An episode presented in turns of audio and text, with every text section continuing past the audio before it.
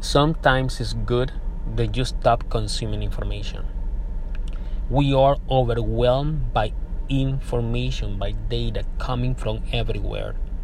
So, the best thing that you can do right now is stop consuming. Why? Because that can give you a clear perspective of where you are and who you are.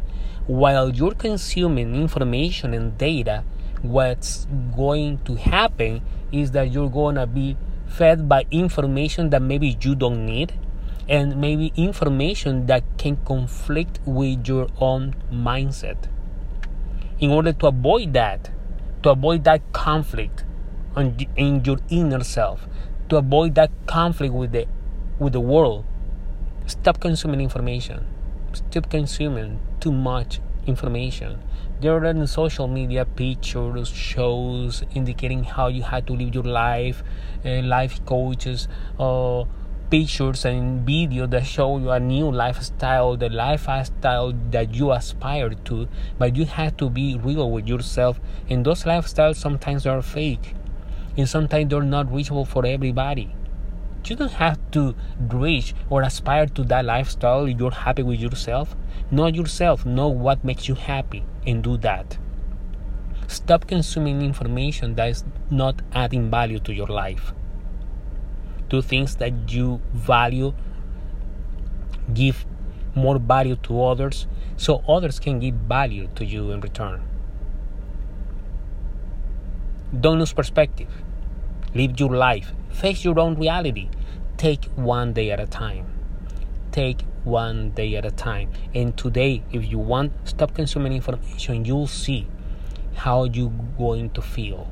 You're going to feel very clear transparent. You're gonna contact yourself. You're gonna make your inner self awake. That's what you have to do. And the real thing right now, what's going to happen is you're gonna feel better with yourself. You're gonna feel better with with the surroundings. You're gonna feel better with the people surround you. Because that's your reality. When you embrace your reality and you start working from your reality, to the level that you want to reach, it will be better. Remember, don't always the information you see or you listen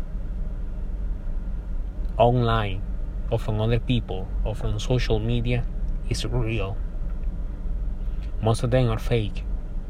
Some of them are selling a lifestyle that they maybe even can't afford it. And you know, for now, you can't afford it. So face our reality and remember, stop consuming information. Too much information is not good. Okay? And face your reality. Embrace your own reality. Embrace your strength. Fight with your strength. Be yourself. Thank you.